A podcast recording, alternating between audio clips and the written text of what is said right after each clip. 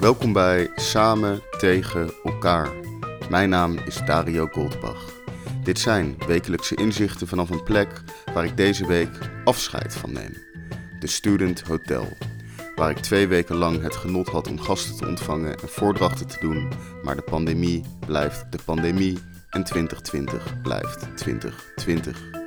Graag bedank ik nog een keer Collab, de coworking space in de Student Hotel en Jägermeister, die met hun campagne Save the Night het nachtleven in stand probeert te houden. Hier volgt een van mijn favoriete stukken van het afgelopen jaar, waarin veel gebeurde, maar vooral ook veel niet. In het stuk van deze week, vuilnis. Dus lieve luisteraars, geniet of niet.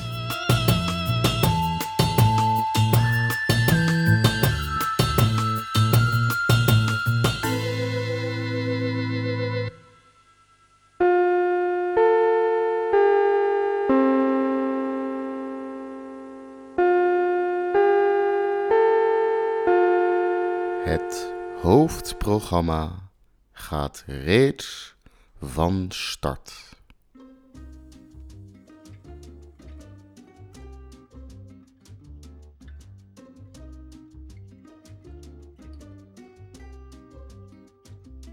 Wat ik precies gekocht had, weet ik niet meer.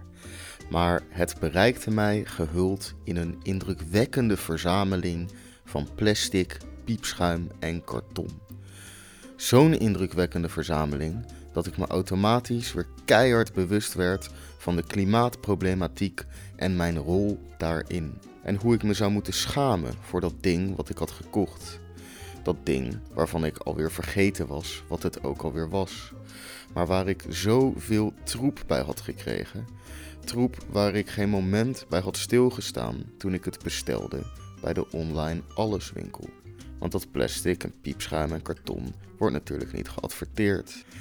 Misschien zouden ze dat verplicht moeten stellen voor alle online winkels. Of eigenlijk toch niet, want zulke wetgeving zou zich waarschijnlijk alleen maar manifesteren in een extra checkbox om aan te vinken voor ze zo gracieus zijn je de optie te geven om te mogen betalen. Maar vlak daarna besef ik dat de echte vervuilers natuurlijk de grote industrieën zijn. Je weet wel, die bedrijven met grotere omzetten dan sommige landen. Je weet wel, die bedrijven die mensen zouden offeren in een actieve vulkaan als de aandeelhouders erom zouden vragen. Je weet wel, dat soort bedrijven. En ik als individu eigenlijk bijna niks kan doen om het milieu te veranderen in positieve of negatieve zin. Mijn acties zijn enkel een druppel op een gloeiende plaat. Maar die machteloosheid gaat dan ook weer gepaard met een soort serene rust en opluchting. Het is niet jouw schuld. Je doet het goed. Dit gevoel volgt zich dan weer op met een tegenreactie van extra schaamte over bovengenoemde gedachten. Terwijl ik donders goed weet dat ik misschien in absolute getallen niks kan veranderen aan de staat van de wereld, maar met mijn acties wel bewustzijn kan creëren bij de mensen om mij heen. Dus misschien moet ik toch maar vegetarisch worden. Wat in ieder geval als een paal boven water stond, was dat ik nu eerst al die tering zo in mijn huis uit moest krijgen. Ik had er tenslotte nooit om gevraagd. Dus met vier verrassend uitpuilende, verrassend lichte vuilniszakken schokte ik naar de hoek van de straat waar twee self-service vuilcontainers dienst deden. Deze containers zijn mij altijd een raadsel geweest. Wat let je om ze vol te stouwen met glas of radioactief afval of een lichaam? En merken ze dat dan? Die mensen bij de vuilstort of de recycling of waar het ook allemaal naartoe wordt gebracht.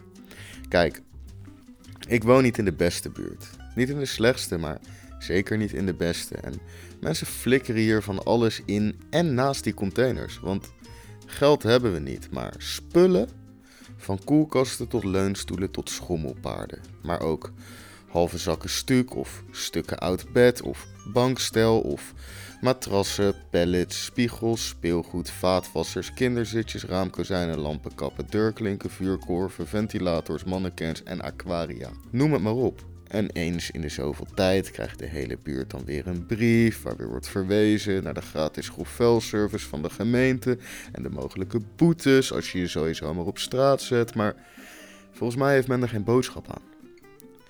Ik ging mijn vier vuilniszakken in ieder geval als onderdeel van de gegoede burgerij in de daarvoor bestemde containers deponeren. Toen ik de eerste zak in de ondergrondse megaprullenbak hoorde vallen, verdween ook een greintje schuldgevoel. Toen de tweede zak naar beneden viel, kwam er zelfs een kleine dosis trots omhoog borrelen. Niet echt natuurlijk, te, te verwaarlozen, niks om te beschrijven in een Word-processor en daarna voor te lezen aan plein publiek, maar alsnog. De derde vuilniszak, die die mij van onderdeel van het probleem moest veredelen tot onderdeel van de oplossing, ging lastiger. Iets kwam vast te zitten in het draaisysteem van de vuilcontainer. Hij draaide ook niet terug. Ik kon niet voor of achteruit. Kortom, had ik de container onbruikbaar gemaakt. Maar niet getreurd, er was een tweede container. Het was toen dat de situatie uit de hand liep. Vuilniszak 4 raakte namelijk klem in container 2. Net als de eerste zat de klepmuur vast.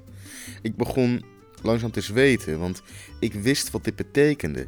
Ik besefte heel goed de consequenties van wat ik zojuist had gedaan. Ondanks dat er op nog geen 100 meter nog een vuilcontainer duo stond, wist ik dat dit niet goed uit kon pakken. Ik keek paniekerig om mij heen terwijl ik schichtig terugkeerde naar mijn voordeur. De volgende dag kwam ik niet langs de hoek van de straat met de containers. Het was de tweede dag pas dat ik die consequenties in al hun glorie zou aanschouwen. Terwijl ik voor een boodschap richting de hoek liep, was ik het helemaal vergeten. Al dat spul wat ik had gekregen bij dat ding wat ik had gekocht, waarvan ik niet meer weet wat het was, het had net zo goed niet kunnen bestaan.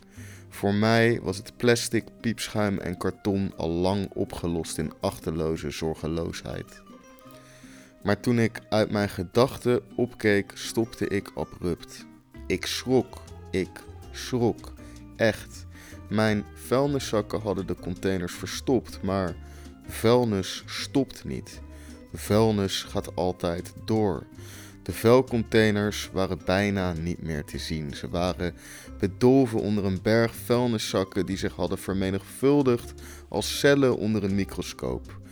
Maar dan groter, veel groter. De berg was bijna net zo hoog als ik, maar vooral heel breed. De hele hoek van de straat was bedolven met een soort tuinlandschap van vaal zwart plastic. Het was alsof ik in het gezicht werd gestompt door Broken Window Theory. Want de plaatselijke milieuramp had afgedankte meubels en bouwafval aangetrokken als een wesp tot een blikje cola op een camping in Zuid-Frankrijk.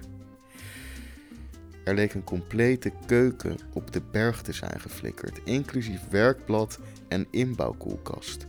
De rijke aroma die opsteeg uit het aanzienlijke hoopje ongeluk had de vliegen en meeuwen uitgenodigd.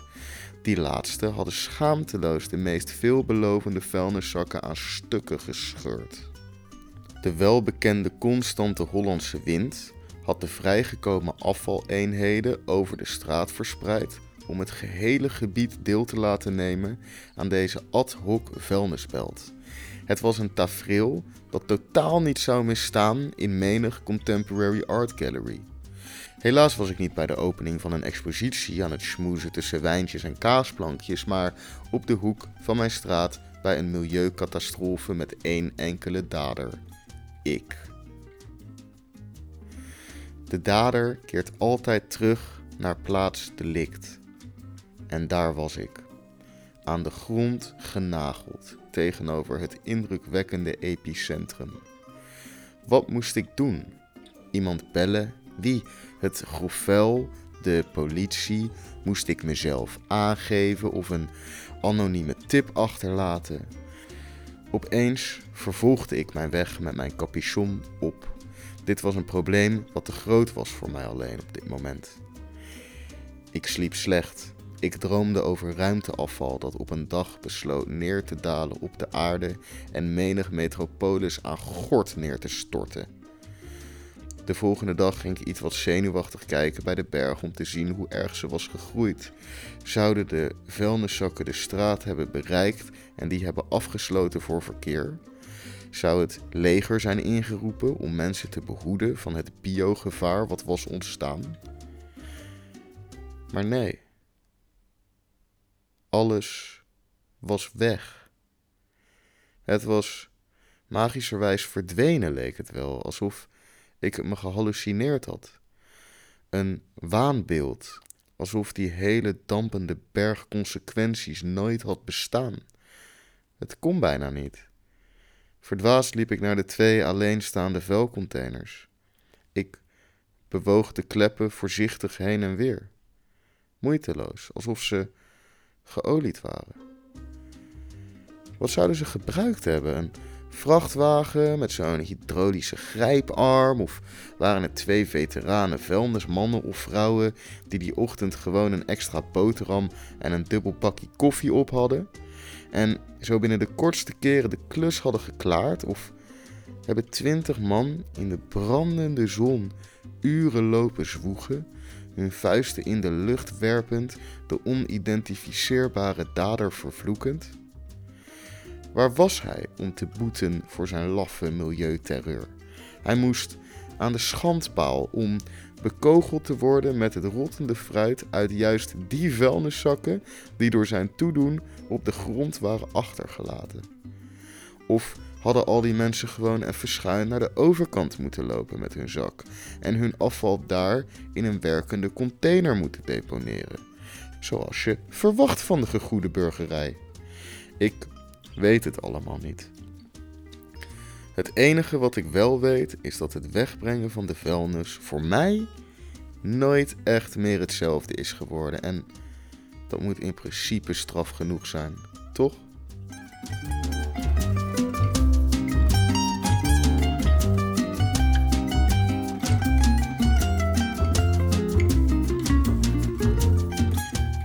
Bedankt voor het luisteren naar Samen tegen elkaar. Met Oudejaarsavond nodig ik jullie uit om de Morgen is er weer een nacht stream van Pip te checken. Met een samenvatting van 2020 door mij en shows van de jeugd van tegenwoordig, Goldband, IF, Clarisse en nog veel meer. Koop nog altijd mijn boek via vierweekenden.nl en post de afleveringen op je Insta-story en tag at studio.dario. En bedankt allemaal voor al die berichten en stories en mailtjes en bestellingen en alles dit afgelopen jaar. Het was er één die we niet snel vergeten. Mijn naam is Dario Goldbach en ik dank u hartelijk.